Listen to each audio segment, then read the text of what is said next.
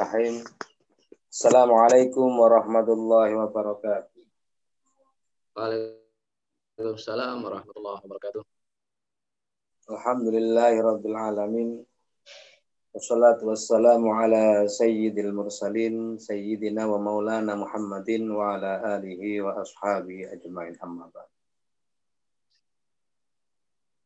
Alhamdulillah pada malam hari ini Ikhwan rahimakumullah kita bisa kembali melanjutkan kajian kita eh, kitab Tuhfatul Murid eh, pada malam hari ini sampai pada pembahasan eh, sampai sampai mana nih satu ya? Andite, anditin. Anditin au shibihin au syarikin. Yeah. Baik untuk Nggih. Karena kemarin kita uh, ada Ustaz Khalil Hasib, ada Udur dan yang uh, Ahad yang awal Ana juga nggak bisa hadir hingga tidak tahu nih. Baik untuk menyingkat uh, waktu langsung saja waktu dan tempat kami aturkan kepada Ustaz Khalil Hasib untuk langsung menyampaikan materi kajian kitab uh, Tuhfatul. Tafadhol ya Ustaz. Allahumma salli ala sayyidina Muhammad. Allahumma salli wa sallim alaihi. Bismillahirrahmanirrahim. Assalamualaikum warahmatullahi wabarakatuh. Waalaikumsalam. Alhamdulillah wassalatu wassalamu ala Rasulillah wa ala alihi wa sahbihi wa man wala la haula wa la quwwata illa billah. Rabbi israh li sadri wa yassir li amri wahlul 'uqdatam min lisani yafqahu qawli wa saddid lisani wahdi qalbi bihaqqi sayyidina Muhammadin sallallahu alaihi wasallam. Alhamdulillah malam hari ini kita bisa melanjutkan pelajaran kita kitab Tuhfatul Murid ala Jauharutut Tauhid. Kita membahas tentang uh, kitab tauhid. Beberapa pertemuan yang lalu kita telah membahas tentang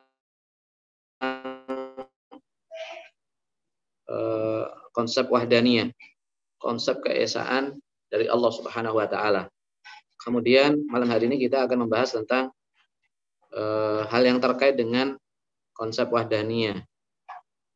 Kalau Allah itu esa, maka bagaimana konsekuensinya begitu ya? Konsekuensi bagi kita sebagai orang yang mengesakan Allah itu konsekuensinya bagaimana? Apa saja konsekuensi dari keyakinan? Karena mengakui keesaan saja tidak cukup. Mengakui bahwa Allah itu esa, nah, pengakuan ini harus dibuktikan. Maka di sinilah yang pentingnya ada penjelasan. Syekh Ibrahim Al-Laqani mengatakan al-diddin au shibihin au syarikin mutlaqa wa walidin gadal walad wal asliqa saya baca bait sebelumnya itu.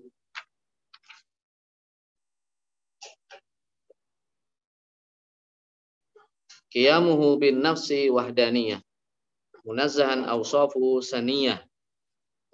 Andiddin ya jadi uh, munazzahan awsafu saniyah. Munazzahan awsafu saniyah. Yaitu Allah bersih sifat-sifat Allah itu bersih. Bersih dari apa? Nah, di sini perlu penjelasan Nah, untuk mengesahkan Allah itu perlu apa? Pembersihan. Pembersihan-pembersihan dari keyakinan. Ya. Supaya kita itu betul-betul mengesahkan Allah, maka ada beberapa aspek yang harus dibersihkan atau dibuang. Maka itu namanya ada unsur penegasian. Ada unsur penafian. Apa saja yang dinafikan? Apa saja yang harus dinegasikan. Di sini hal-hal yang wajib dinafikan wajib dinegasikan ya supaya kita keyakinan kita tentang keesaan Allah itu betul-betul uh, esa Allah itu andiddin au shibihin syarikin mutlaqa wa walidin kadal walad wal asdiqa. Hal yang harus dibersihkan adalah membersihkan atau mensucikan Allah dari sesuatu yang menjadikan rival. Ya, itu rival atau seteru. Au atau sesuatu yang menyerupainya. Baik yang menyerupai itu dari aspek sifatnya, perbuatannya, atau zatnya.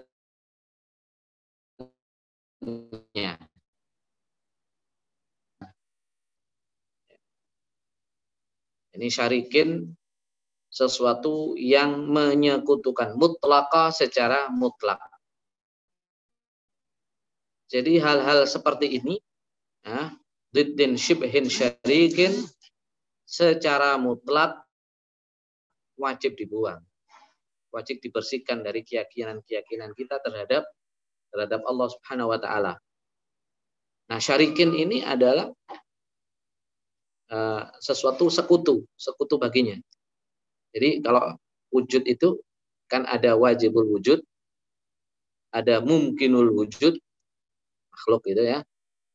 Wajibul wujud yaitu Allah, Tuhan ada mustahilul wujud. Ya, ada mustahilul al-wujud. Apa wujud yang mustahil itu? Wujud yang mustahil itu adalah syarikullah. Itu mustahil. Ya, tidak mungkin ada syarikullah. Sesuatu atau zat yang menyekutukan Allah. Itu mustahil. Jadi kalau ditanya, apa wujud yang mustahil? Yang pertama jawaban itu syarikullah. Yang lain itu adalah hal-hal yang lainnya itu bisa mungkin. Ya, sesuatu yang bisa ada, bisa tidak, tidak ada. Wawalidin mensucikan, membersihkan Allah dari keyakinan bahwa Allah punya orang tua. Ya, kalau orang uh, Tuhan punya orang tua, maka itu bukan Tuhan. Jadi dalam konsep Islam, dalam keyakinan Islam, Tuhan itu tidak punya orang tua, tidak punya anak. Tidak punya seteru. Ya, tidak punya sesuatu yang menyamainya atau menyerupainya. Tidak punya. itu Tuhan dalam konsep Islam. Maka di sini dalam aspek ketuhanan antara Islam besar sekali, fundamental sekali. Ya.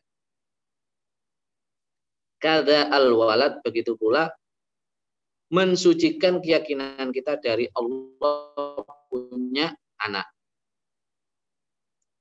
Wal asdiqa dan memiliki jenis teman. Jadi ini Allah itu betul-betul sendiri, tidak punya teman. Teman itu adalah teman yang apa? Teman yang selalu bersama, astiqo itu. Suatu yang selalu bersama, membersamainya, sekali-kali membantu. Itu astiqo. Qauluhu andritin ya di bawahnya andritin apa itu ai nah, ini mengucapkan agak susah ya. Kata robot dengan dal. Mubadun lahu ta'ala. Yaitu sesuatu yang menyaingi Allah Ta'ala. Sesuatu yang menyaingi Allah Ta'ala. Tidak ada. Wal jal wal mujur muta'alikun biqaulih munazahan. Adapun jar dan majurnya itu terkait dengan ucapan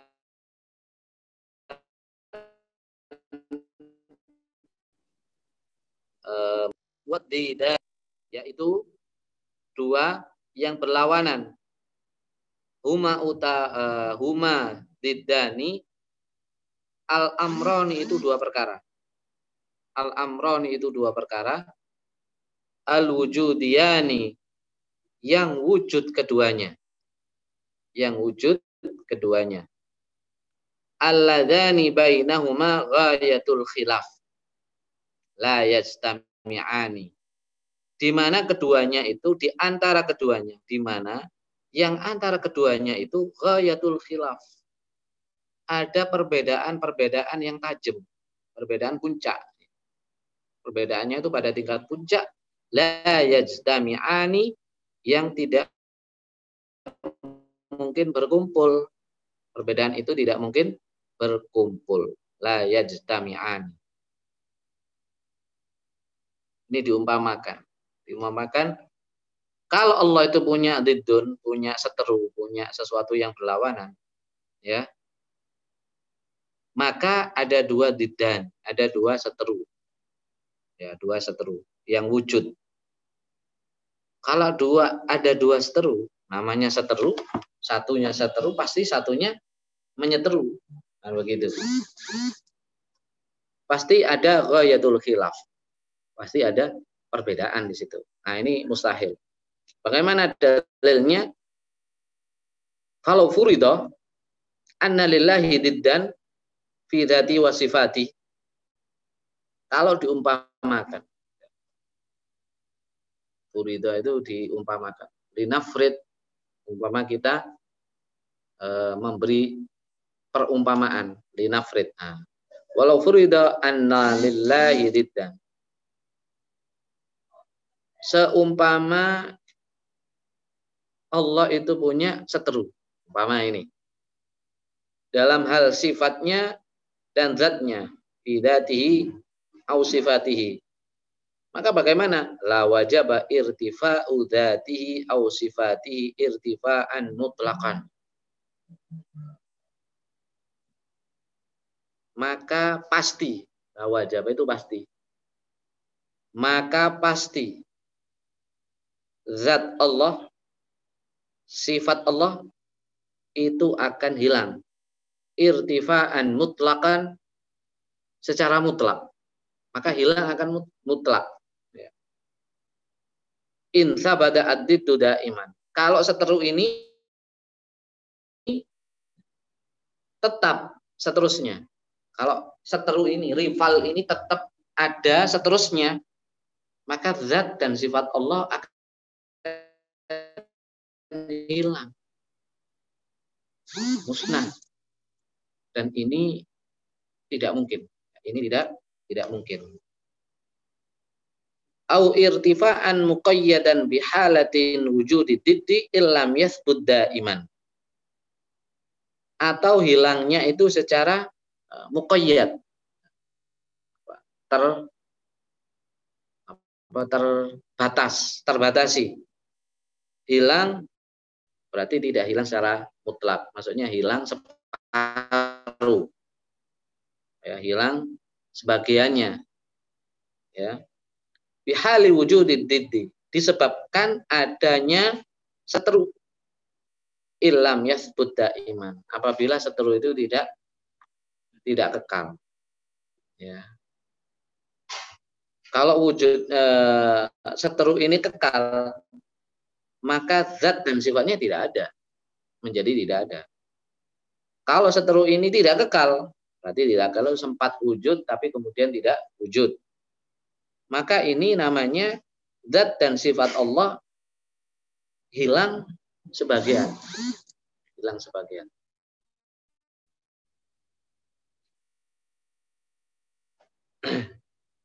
Li'annahu mata sabada ahadu didaini irtafal akhar. Karena logikanya ini seperti logikanya.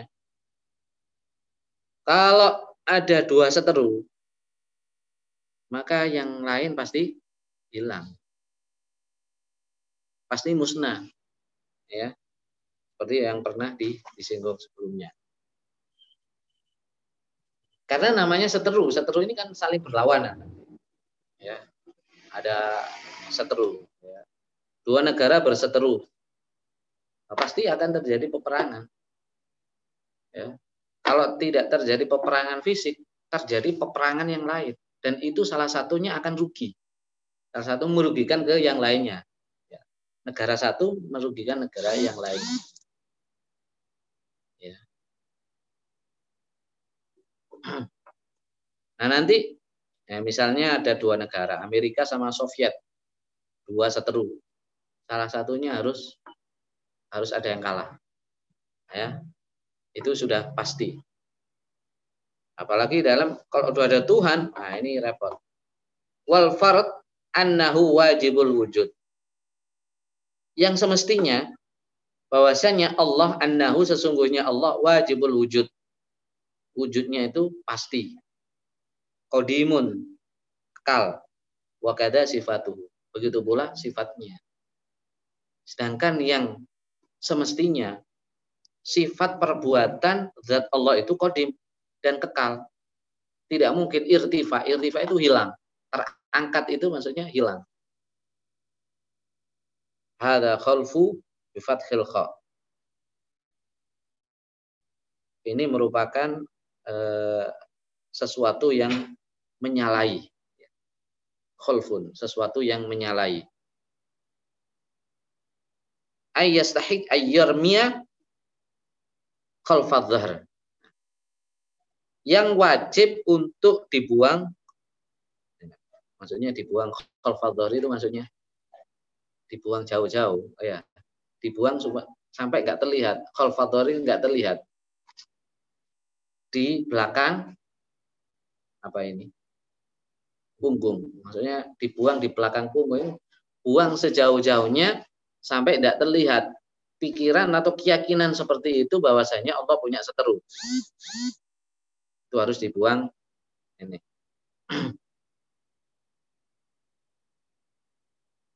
Au bidhammiha ay kidbun wa batilun kama taqaddama. Atau dengan dhamma khulfun. Kalau tadi khalfun ini khulfun bidhammiha dengan dhammanya kha. Kalau dhamma itu namanya dusta, kidbun batilun dan batil. Jadi itu beda harokat saja.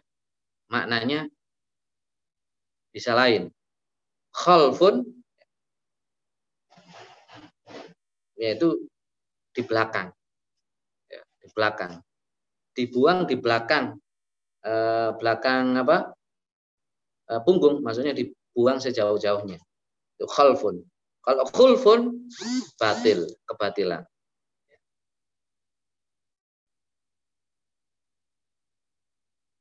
Qauluhu au shibhin. Lafat shibhin ma'tufun ala diddin diatofkan kepada lafat diddin. Au bimakna wawi. Au dengan makna wawu. Wa inna ma'abbara nadim li daruwatin nadam. Adapun penulis nadaman itu mengungkapkan karena darurat nazam. Apa itu shibhin? Shibhin itu apa? Wasyibhu wasyabihu bimakna kal hubbi wal habib. Ya.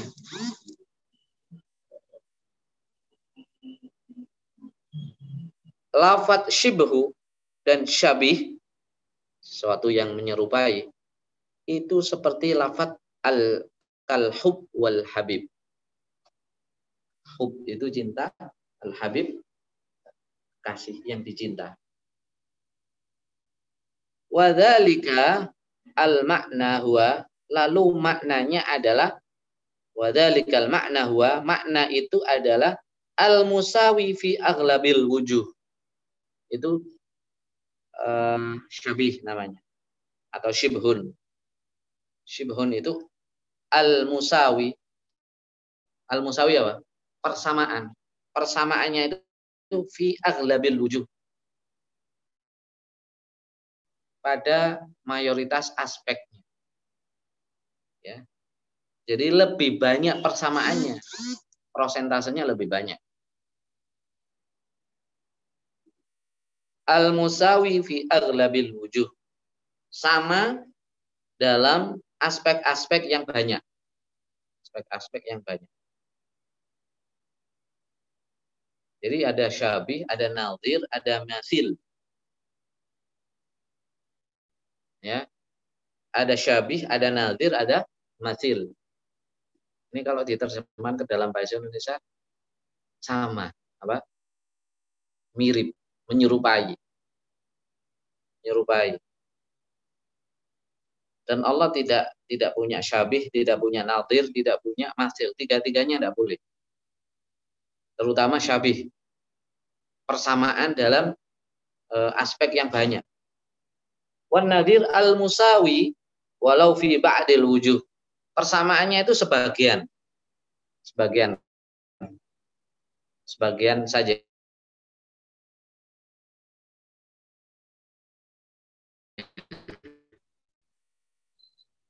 Lalu al persamaannya itu semua aspek. Ya berarti sama. Sama tapi tak serupa ya. Maka eh, seseorang manusia ya ada orang anak punya kembaran nah itu masil masil itu e, tanpa menghitung yang detail ya itu masil jamiul wujud itu sama semuanya sama tingginya sama bentuk wajahnya sama ya semuanya sama tapi kalau ada ada orang kok mirip nah, nah itu apa Hah? Itu bisa nazir itu. Nazir, sebagian. Sebagian sama. Sebagian yang lain tidak sama, pasti tidak sama. Ya, orang wajahnya itu sama kan. Tapi orang kembar itu masih lebih cenderung kepada masih. Ya. Lakin al-murad bisyibihuna tetapi yang dimaksud dengan syibihuna, lafat syibih, lafat serupa di sini adalah mutlakul musyabahah penyerupaan secara mutlak. Penyerupaan secara mutlak. Ayasmal kullan min huma. Ayasmal kullan. Terkait masing-masing dari dari keduanya.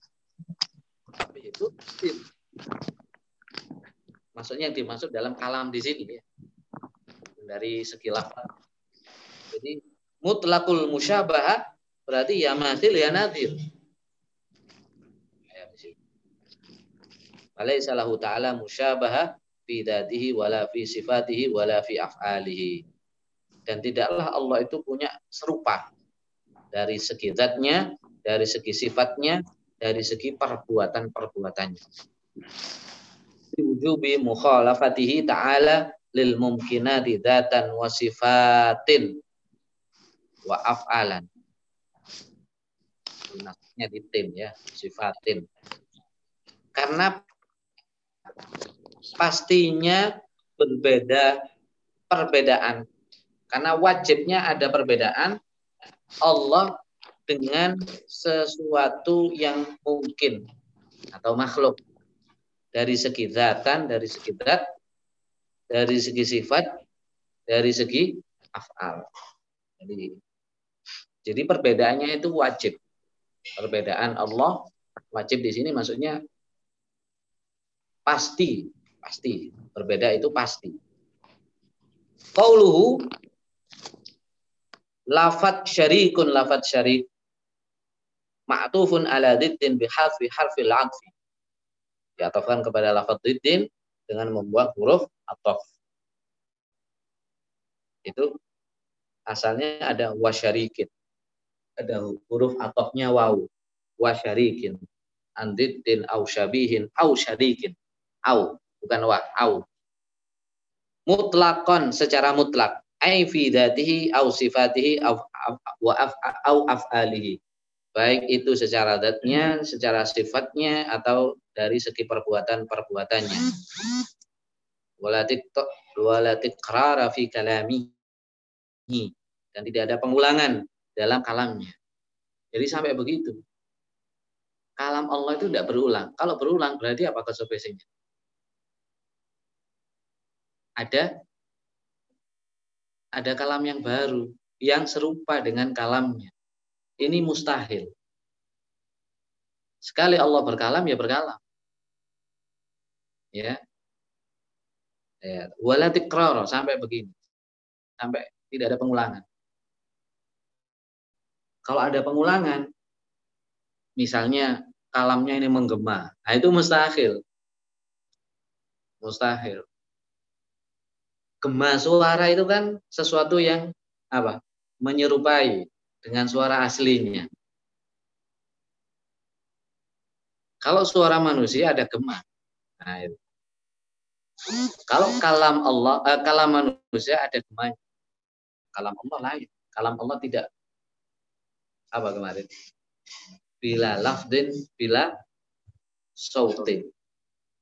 Tanpa lafat, tanpa suara. Ya apa? Tanpa lafat, tanpa suara. Akal manusia. Ya, akal manusia. Namanya kalam itu ada suara. Ini akal manusia. Ya. Sedangkan akal manusia itu belum tentu sampai pada hakiko. Tentu yang hakikat. Ada aspek-aspek hakiko ya yang tidak bisa dijangkau oleh akal manusia. Di luar jangkauan akal manusia. Pengertiannya, pemahamannya di luar jangkauan akal manusia persoalan dari Mu'tazilah itu adalah Mu'tazilah mengukur dengan akal manusia. Mengukur Allah dengan akal manusia. Akhirnya sedangkan dia punya prinsip Allah tidak mungkin sama. Hanya itulah kemudian Mu'tazilah menafikan sifat. Menafikan sifat. Kalaupun apakah Mu'tazilah tidak meyakini kalam, tidak meyakini Rahman Rahim. Tidak. Mu'tazilah tetap meyakini itu semua. Allah Rahman, Allah Rahim. Tapi itu tidak dinamakan sifat. Itu. Jadi Allah bisa berkasih sayang, Allah bisa berkalam, Allah bisa berkuasa. Ya. Cuma namanya saja yang lain. Ya. Namanya saja itu yang lain. Kalau Allah itu berilmu, bagi alusunah wal jamaah, ilmu Allah itu adalah sifat. Bagi mutazilah, ilmu Allah bukan sifat, tapi makhluk. Maka kalam Allah itu makhluk. Allah berkalam, sama. Alusunah mutazilah berkalam. Meyakini seperti itu. Cuma Mu'tazilah hanya berbeda. Ini statusnya apa kalam ini? Ini kudrah kudrah ilmu ini samiun basirun ini statusnya apa? Bagi Mu'tazilah semua itu statusnya adalah makhluk. Allah menciptakan dulu baru ini. Allah melihat. Penglihatan Allah itu adalah ciptaan Allah. Bagi kita itu bukan ciptaan Allah itu tapi sifat. Di situ Sampai di situ saja Mu'tazilah itu sudah disesat-sesatkan oleh para ulama. Lah liberal itu lebih dari itu. Ya, lebih dari itu. Kalam Allah dicampur dengan kalam manusia. Itu apa? Wahyu itu yang turun kepada Nabi Muhammad itu adalah yang kalam yang campur antara Allah dengan kalamnya Nabi Muhammad. Tidak ada Mu'tazilah Mu'tazilah membersihkan itu semua. Ya. Cuma persoalannya ini makhluk, itu saja. Ya. Makhluk, tapi bukan kalam manusia. Tapi Allah sengaja menciptakan kalam. Jadi eh, apa kalamullah makhluk itu tidak bermakna bagi Mu'tazilah bahwa ini ada campuran kalamnya manusia. Kalau kalamnya manusia jelas itu makhluk, ya kan? Ya, karena yang mengeluarkan adalah makhluk. Ini kalam keluar dari Allah, dari zatnya Allah. Cuma ini adalah si apa? Bukan sifat, tapi makhluk. Allah menciptakan kalam sehingga bisa berkalam. Allah menciptakan ilmu sehingga Allah punya ilmu. Allah ciptakan e, kasih sayang. Sehingga sifat-sifat itu adalah e, ciptaan semua, makhluk semua ciptaan. Apa sifat-sifat itu adalah ciptaan semua. Jadi terlalu jauh menyamakan antara Mu'tazilah dengan liberal. Gitu ya. Samanya itu hanya tidak samanya itu banyak dalam aspek keyakinan. Umpama di di peringkat itu ya, Itu masih level di atas Mu'tazilah itu. Kalau liberal itu sudah level bawah sudah. Lianna muradahu bisyibhi karena yang dimaksud dengan syibih itu adalah al musyabaha minal mumkinat. Penyerupaan terhadap e, makhluk. Mungkinan ini maksudnya makhluk. Penyerupaan kepada makhluk. Wa muradu bisyarik yang dimaksud dengan syarik adalah al musyarik minal kudama. Nah ini. Kenapa tidak ada pengulangan dalam kalamnya? La tikrara fi kalamihi. Karena kalau ada pengulangan, yang terulang itu bisa menjadi syarik. Bisa menjadi syarik dan itu mustahil. Tidak mungkin ada dua yang kodim. Dua yang kodim. Itu mustahil. Yang ada satu kodim. Suatu yang kodim. Sifat kodim ini sifat terdahulu. Ya, tidak ada. Yang itulah maksudnya syarik itu seperti itu. Wa dalilu tanzihi fatal al musyarak minal kudama fataghayyara maka akan saling merubah nanti, saling bisa mengubah. Ada dua kodim. Nah, itu saling bekerja, saling bergantian. Nah, itu tidak mungkin, mustahil. Wadali tanzihi ta'ala anisyarik wa dalil wahdaniyah. Argumentasinya sudah kita jelaskan dalam konsep wahdaniyah. Dalil atau petunjuk dalil bersihnya Allah dari syarik itu adalah dalilnya wahdaniyah. Qauluhu wa walid. Lafat wa walidun. Ay munazzahan an walid. Yaitu bersih dari orang tua. Itu walid. Ayah ya ibu walidah. Maknanya di sini adalah orang tua. Ai aban kana au umman. Ya. Baik itu ayah atau ibu. Jadi yang dimaksud walid ini ya ayah dan ibu. Allah Walaisa munfasilan an ghairihi. Tidak terpisah kedua-duanya dari yang lainnya. Tidak terpisah dari yang lainnya. Qauluhu kada al-walad. Begitu pula Allah bersih dari memiliki anak. Khabarul muqaddam wa mubta'un muakhar. Khabar yang didahulukan mubtada'nya diakhirkan. Ai al-walada kal walid fi wujubi tanazzahallahu anhu. Yaitu seperti tidak punyanya Allah itu seperti Allah tidak punya orang tua, Allah juga tidak punya anak wajib membersihkannya. Walaisa Isa waladan. Ini menyinggung agama Nasrani. Nabi Isa itu bukan anak. Bal khalaqahu Allah Ta'ala bila abin. Kama khalaqa Adam bila abin. Wa bal Adama agrab haitsu khalaqahu min turabin bila abin wala ummin. Nabi Isa bukan anak Tuhan, bukan anak Tuhan, tetapi Allah menciptakannya, menciptakan Nabi Isa bila abin tanpa ayah. Seperti Allah menciptakan Nabi Adam tanpa ayah. Bahkan Nabi Adam itu lebih gharib lagi, lebih aneh lagi. Agrob itu lebih aneh lagi. Nabi Adam lebih aneh lagi. Karena Allah menciptakannya, menciptakan Nabi Adam itu dari tanah. Tanpa ayah, tanpa ibu falaisa ghairu ta'ala mufassilan anhu.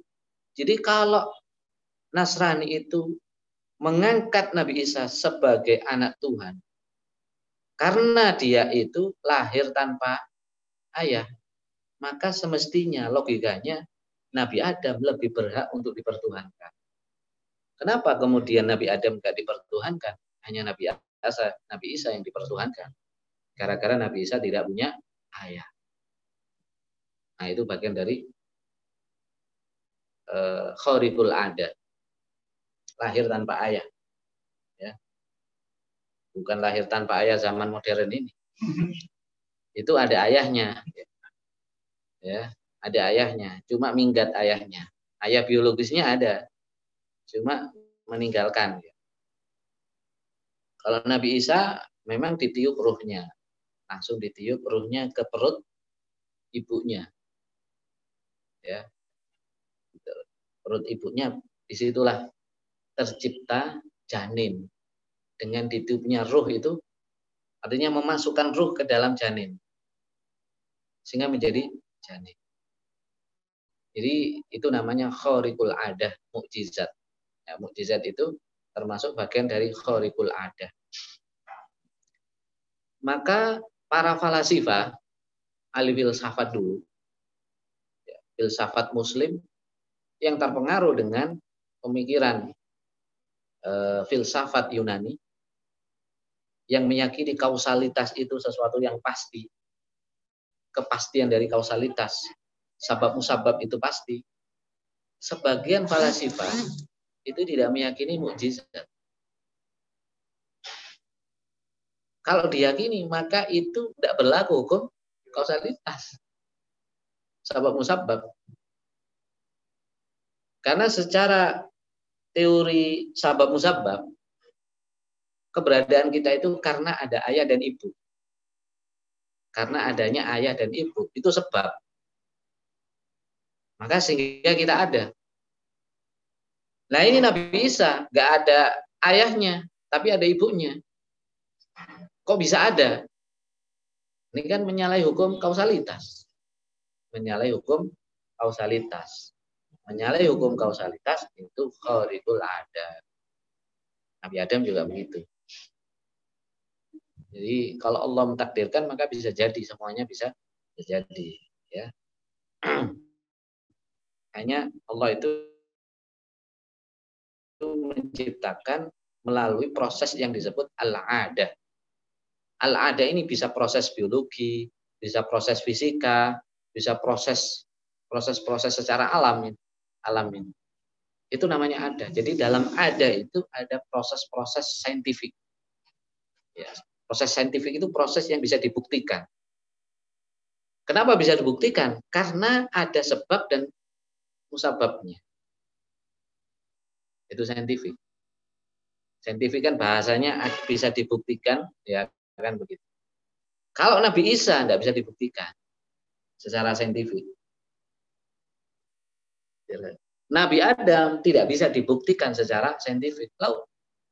Jadi tidak semua yang saintifik itu benar, tidak saintifik tidak benar. Ini salah. Ini paradigma sains modern barat. Jadi yang benar itu yang saintifik. Ya. Yang tidak saintifik berarti nggak benar, nggak ada, dianggap tidak tidak ada. Nah, ini ada faktanya tapi tidak melalui proses saintifik. Nabi Isa. Bagaimana itu menjelaskan secara sains? Tidak bisa. Karena janin itu pertemuan sperma dengan apa zat ovum zat zat perempuan itu wanita ovum ya pertemuan sperma dengan ovum baru bisa jadi janin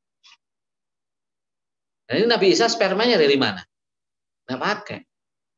Nggak pakai sperma. Tapi bisa menjadi jasad. Lo kok bisa? Nah itulah kekuasaan Allah. Enggak, enggak bisa dijelaskan secara saintifik.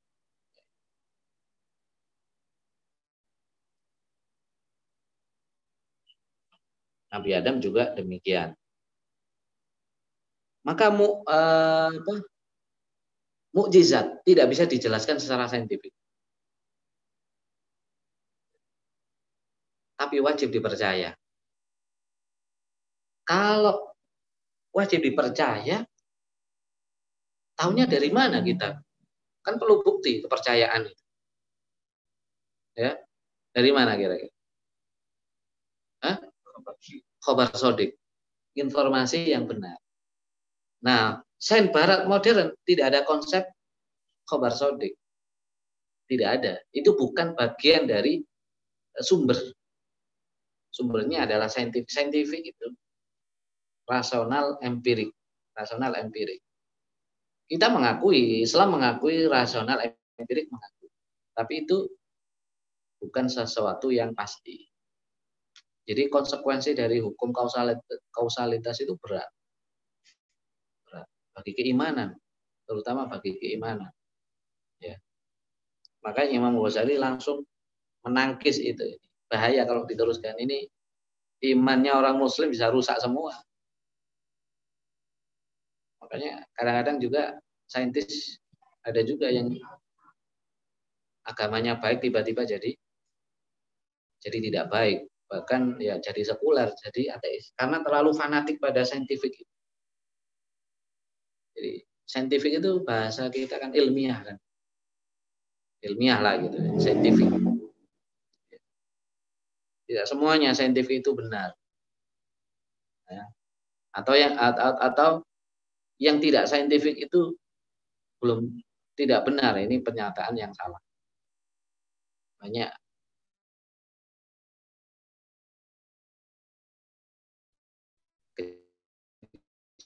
kejadian-kejadian alam ini ya tapi bisa diyakini kebenaran. Karena itu fakta ada. Ya. kalau dogma itu sesuatu yang kidbun. Sesuatu apa? Sesuatu yang ada ada unsur kedustaannya. Bisa benar bisa tidak benar.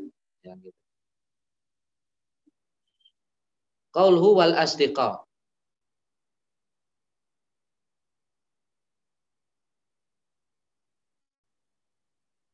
Ay munazzahan anil asdiqa. Itu hamzanya itu dihilangkan ya karena ada darurat. Asdiqaun. Asdiqa itu teman. Walaisal jam'u muradan bal al muradu al jins al mutahaqqiq walau fi wahid. Yang dimaksud di sini adalah eh, asdeko di sini ada jenis. Jenis. Ya. ya, manusia itu jenis. Tapi jumlah manusia banyak. Manusia itu satu jenis. Satu jenis. Walidha qala al-musannif fi kabiri. Karena itu, maka penulis kitab ini berkata dalam kitab kabir. Ada kitab kabirnya wa yajibu at-tanazzuh an asdiqa. Ini lebih jelas lagi. Maka wajib membersihkan Allah eh, an jinsil asdiqa dari jenis teman, jenis teman. Wasadiq huwa as-sadiq fi wuddihi. Kenapa bahasa Arabnya teman itu as-sadiq? As-sadiq, as-sadiq atau jamaknya asdiqa Hada sodiki. Berarti itu satu. Itu teman satu.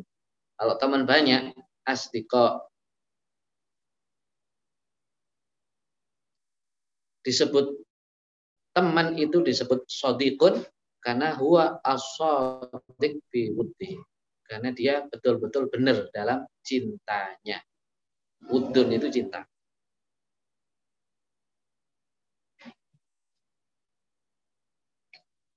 Jadi kalau teman tapi musuhi, ya tidak ada rasa cintanya, bukan sodik.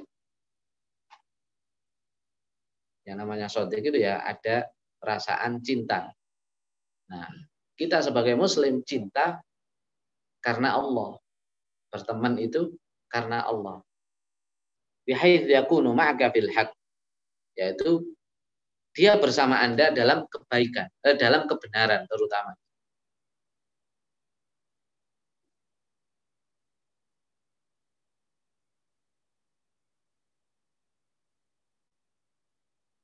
Wa idza hasala laka masyaqqatun min qadaratiz zaman syattata amruhu liyajma amruka. Kalau Anda mendapatkan kesulitan min qadaratiz zaman sebab disebabkan oleh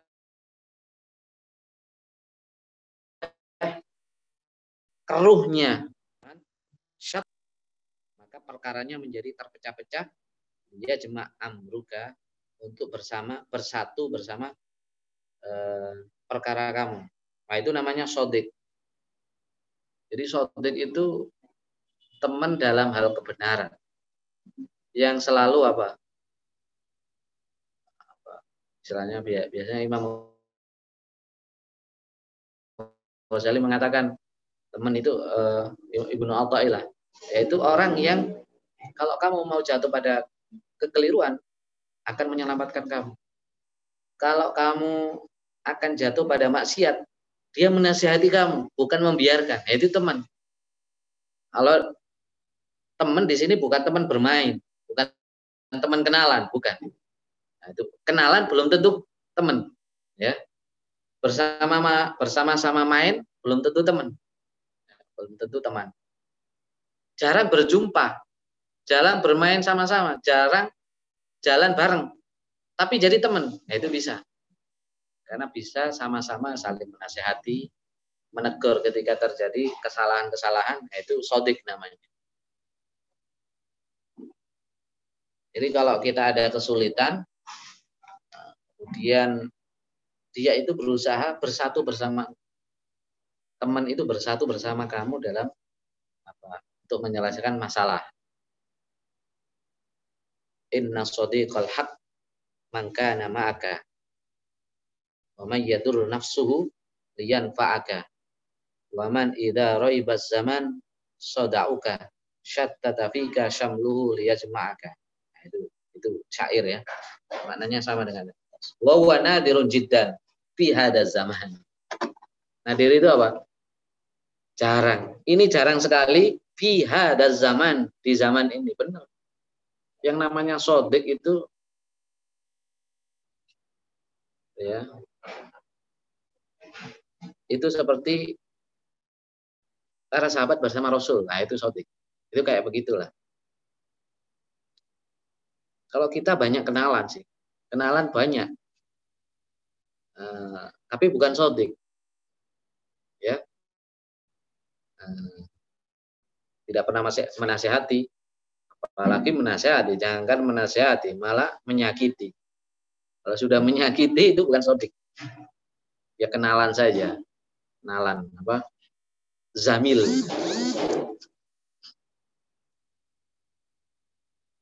wal muhal ayyakuna lillahi sadiqun ala wajhil mu'tad. Kalau seperti ini, mustahil Allah itu punya sodik ala wajhil mu'tad dari segi kebiasaannya. Ya, sodik al mu'tad maksudnya sodik dengan makna yang biasa ini ya, yaitu orang yang eh, sesu, sesuatu yang membersamai kita, menasai kita, membantu kita kalau ada kesulitan, dia bersama kita bukan meninggalkan. Ya, kalau kita ada musibah, dia malah datang. Ya. Bukan malah menjauh. Beda kalau kita dapat rezeki, dia datang. Kita dapat musibah,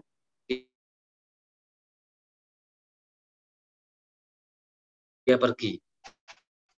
Nah, itu bukan sodik. Dia datang. Artinya eh, orang yang saling membantu kita itu sodik.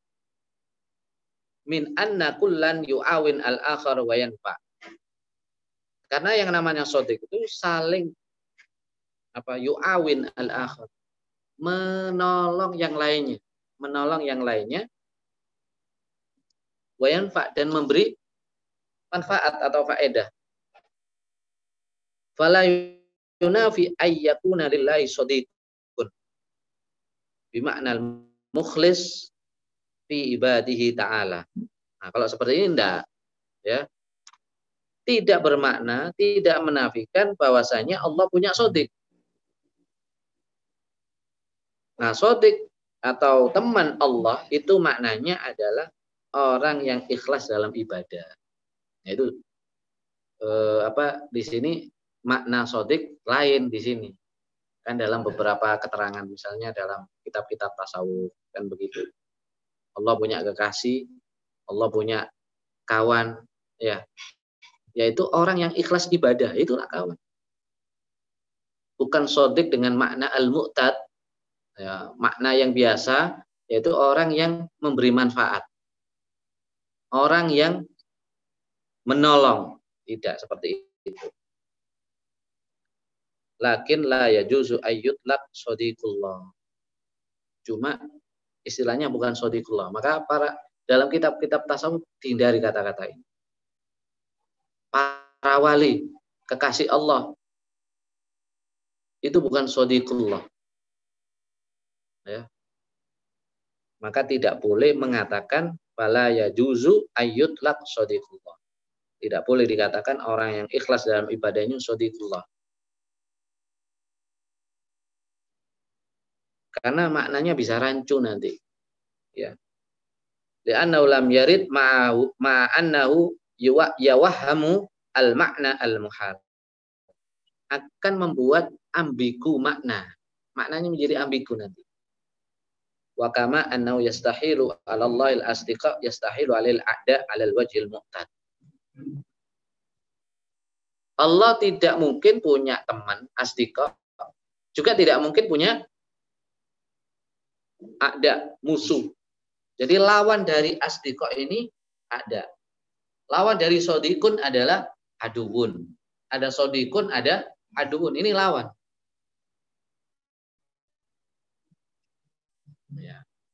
Ada kenalan tapi menyakiti kita. Itu aduun, bukan sodik. Meskipun sama-sama bermain sama-sama dalam sebagainya.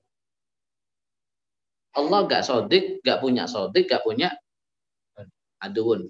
Dalam makna al-mu'tab. Makna apa? Makna yang biasa. Ada di sini bisa berupa didun. Didun tadi. Bisa berwujud didun, yaitu rival. Lah bagaimana dengan Al-Quran? Allah itu kan. Allah. Itu adalah orang yang memusuhi Allah. Bukan orang yang rival Allah. Bukan rivalnya Allah. Bukan. Orang yang ingkar pada Allah. Itu adullah. Kan ada penjelasan. Tidak mau taat pada Allah. Adullah. Melanggar perintah Allah. Adullah. Musuhnya Allah. Nah di sini adaun bukan makna itu, bukan orang yang memusuhi, bukan orang yang ingkar terhadap syariat Allah, hukum atau ketetapan Allah. Tapi ada Allah, adullah di sini dalam makna tauhid sini adalah sesuatu yang apa? merivali Allah apa? menyaingi Allah. Lah orang Yahudi itu adullah. Apakah orang Yahudi menyaingi Allah? Enggak. Itu adalah dia ingkar terhadap hukum Allah bukan menyaingi. Allah bikin gunung, dia bikin gunung. Allah bikin langit, dia bikin langit. Allah bikin bintang, dia bikin bintang. Tidak ada. Tidak Allah bikin air, dia bikin air. Itu namanya adullah. Dan ini mustahil. Mustahil. Ini aduun dalam makna al-mu'tad, dalam makna yang biasa, makna biasa, makna umum, itu mustahil wujudnya. Tidak ada. Wujudnya tidak ada. Sodikullah juga mustahil wujudnya. Termasuk wujud. Seperti syarikullah itu termasuk yang mustahil. Min anna kullan yu'zi al-akhar wa yudur. Karena musuh itu menyakiti dan membahayai yang lainnya. Mustahil Allah disakiti. Tidak menafikan Allah punya musuh. Tidak, tidak menafikan seperti Allah punya musuh. Wa yauma yuhsyaru a'da'ullahi ilan nar. Dan pada hari dikumpulkannya para musuh-musuh Allah itu ke dalam neraka. Ini orang kafir, orang musyrik, orang Yahudi. Konteksnya adalah orang Yahudi. Ya, ada Allah bukan orang yang menyaingi Allah, tapi orang yang ingkar padanya. Jadi itu makna adullah eh, dan sadiqullah. Wallahu a'lam bishawab. Sampai di sini kita insya Allah kita lanjutkan pada bait setelahnya wa qudratun iradatun wa ghayarat. Ini sifat Allah berikutnya. Ini namanya sifat ma'ani nanti. Jadi setelah ini kita membahas sifat-sifatul ma'ani. Wallahu a'lam Assalamualaikum warahmatullahi wabarakatuh. Waalaikumsalam warahmatullahi wabarakatuh.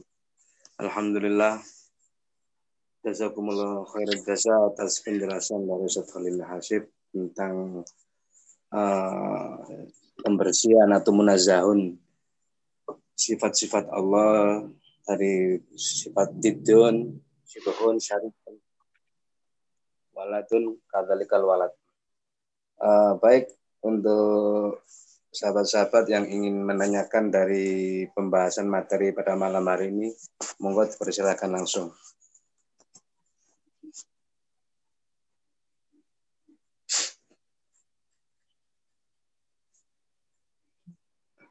Sambil menunggu pertanyaan, Ustadz, saya ini ada sedikit pertanyaan. Yeah. Iya. Uh, tentang walat, Ustadz, walat anak.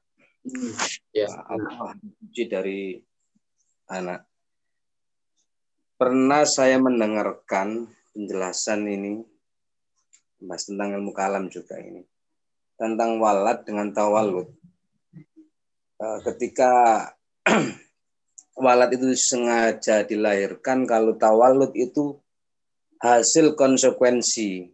Nah ini saya akhirnya hasil konsekuensi dari wujudnya Allah. Apakah ini sama dengan teori emanasi, Ustaz? Kata Sunatan. Ya Pak, ya Pak. Apakah konsekuensi dari? Uh, jika ada penjelasan begini, Allah harus dibersihkan dari tentang beranak. Ya. Walat itu sengaja memang dilahirkan, diciptakan sengaja. Mm -hmm. itu. Tawalud itu itu hasil konsekuensi dari wujudnya Allah, Tuhan. Harus dibersihkan dari situ. Oh. Apakah hmm. ini sama dengan dengan teori emanasi itu? Ngoten uh, tawalud itu tidak ada kaitan dengan walat ya. Hanya ada kaitan dengan apa lafat makna saja. Asal kata jadi kata walada kan. Nanti ada dalil tawalud kan gitu. Dalil tawalud. Yang maknanya itu konsekuensi saja. Jadi apa hubungan antara anak dengan konsekuensi? Tidak ada hubungannya. Dan itu juga eh, apa? Bukan bukan bukan dimasukkan ke dalam apa emanasi atau fight. Emanasi itu kan fight, tidak dimasukkan dalam situ. Ya. E, konsekuensi itu e, seperti sebuah asar ya. Apa asar itu? Jejak. Kas. Bahasa Jawanya itu labet. Nah, itu seperti itu ya, bisa digambarkan e, lebih mudahnya seperti itu. Nah, dalam e, Emanasi tidak seperti itu. Emanasi itu hukum sebab akibat Itu lahir dari hukum kausalitas yang wajib, yang pasti, kepastian dari kausalitas. Eh, itu melahirkan hukum eh, teori emanasi. Nadhariyatu uh, al-faid. Teori pancaran. Jadi kalau ada ada matahari ada sinar ya ada lampu. Jadi wujudnya itu bersamaan antara Allah dengan makhluk uh, itu bersamaan.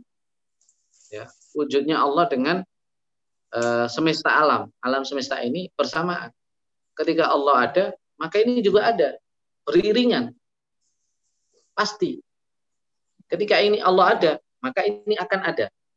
Ini pasti itu sebetulnya eh, hakikat dari eh, emanasi seperti itu. Ini kalau menciptakan tidak. Kalau kholako itu tidak seperti itu. Ya. Eh, jadi Allah zat kemudian wujud ya. Ya. Baru mewujudkan yang lain dengan pun ya. Nah, eh,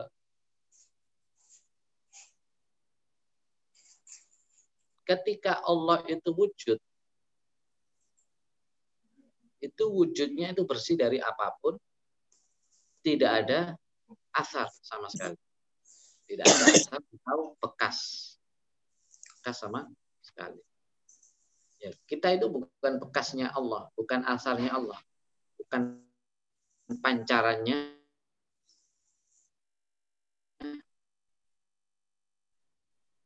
Allah bukan sengaja diada penciptaan ya kalau emanasi itu sebab akibat kalau kita bukan sebab akibat ya mungkinul wujud jaizul wujud ya bisa wujud bisa tidak wujud. Jadi kira-kira seperti itu ya. Izin bertanya Ustadz. Kalau ya, teori emanasi itu berarti makhluk itu jadi wajibul wujud juga ya Ustadz ya? Kalau di teori emanasi itu Ustadz. Uh, yang tidak ada istilah itu sebetulnya.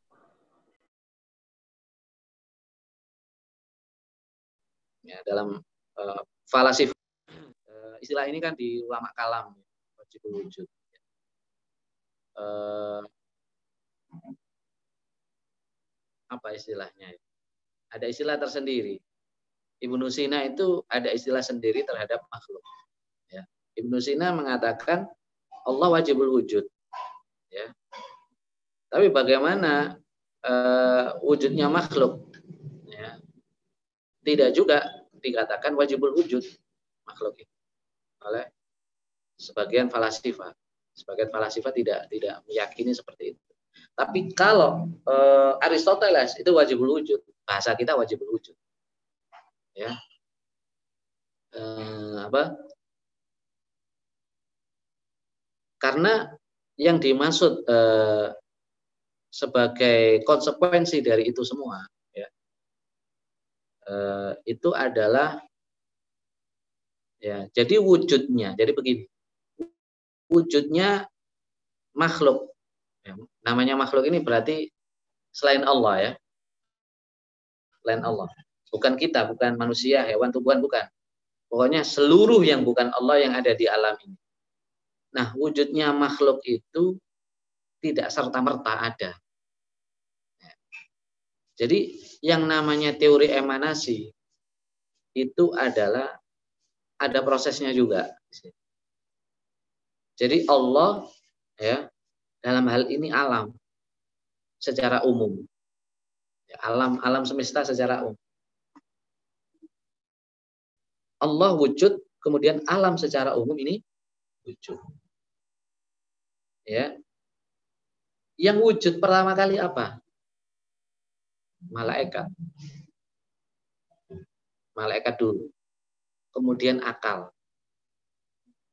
Akal kemudian ruh baru itu jadi ada prosesnya dari situlah proses itu kemudian menjadi proses-proses yang bisa dijelaskan oleh ilmu pengetahuan. Jadi eh, kita ya bisa dijelaskan melalui proses ilmu pengetahuan kan gitu dari ini. Tidak langsung ada ya. Sehingga maka itu eh, sebagian falasifat tidak menyebut manusia wajib wujud tidak. Karena kita melalui proses yang panjang. Ada aklul awal, ada aklul sani, wakila dikatakan, ada yang mengatakan aklul awal itu malaikat. Ada yang mengatakan aklul awal itu ya akal-akal manusia. Ya, e, seperti itu. Ada istilah, tidak disebut e, wajib wujud. Itu istilah sebetulnya istilah kita sebetulnya. Tapi dalam e, Ibnu Sina Allah itu wajib wujud. Wujud yang yang pasti adanya. Pasti adanya. Cuma kayaknya maknanya tidak seperti yang kita pahami. Jadi wujud itu. Nah, yang kita pahami wujud itu kan sif, e, sifat nafsiyah bagi Allah. Sifat nafsiyah bagi Allah Subhanahu wa taala. Nah, bagi Ibnu Sina, Ibnu Sina ini falasifa, falasifa sama dengan Mu'tazilah dalam hal ini. Allah tidak punya sifat, apalagi sifat nafsiyah, tidak ada istilah-istilah seperti itu. Ya. Allah alam. Saya kira uh, sudah ya. Bisa diakhiri saat-saat.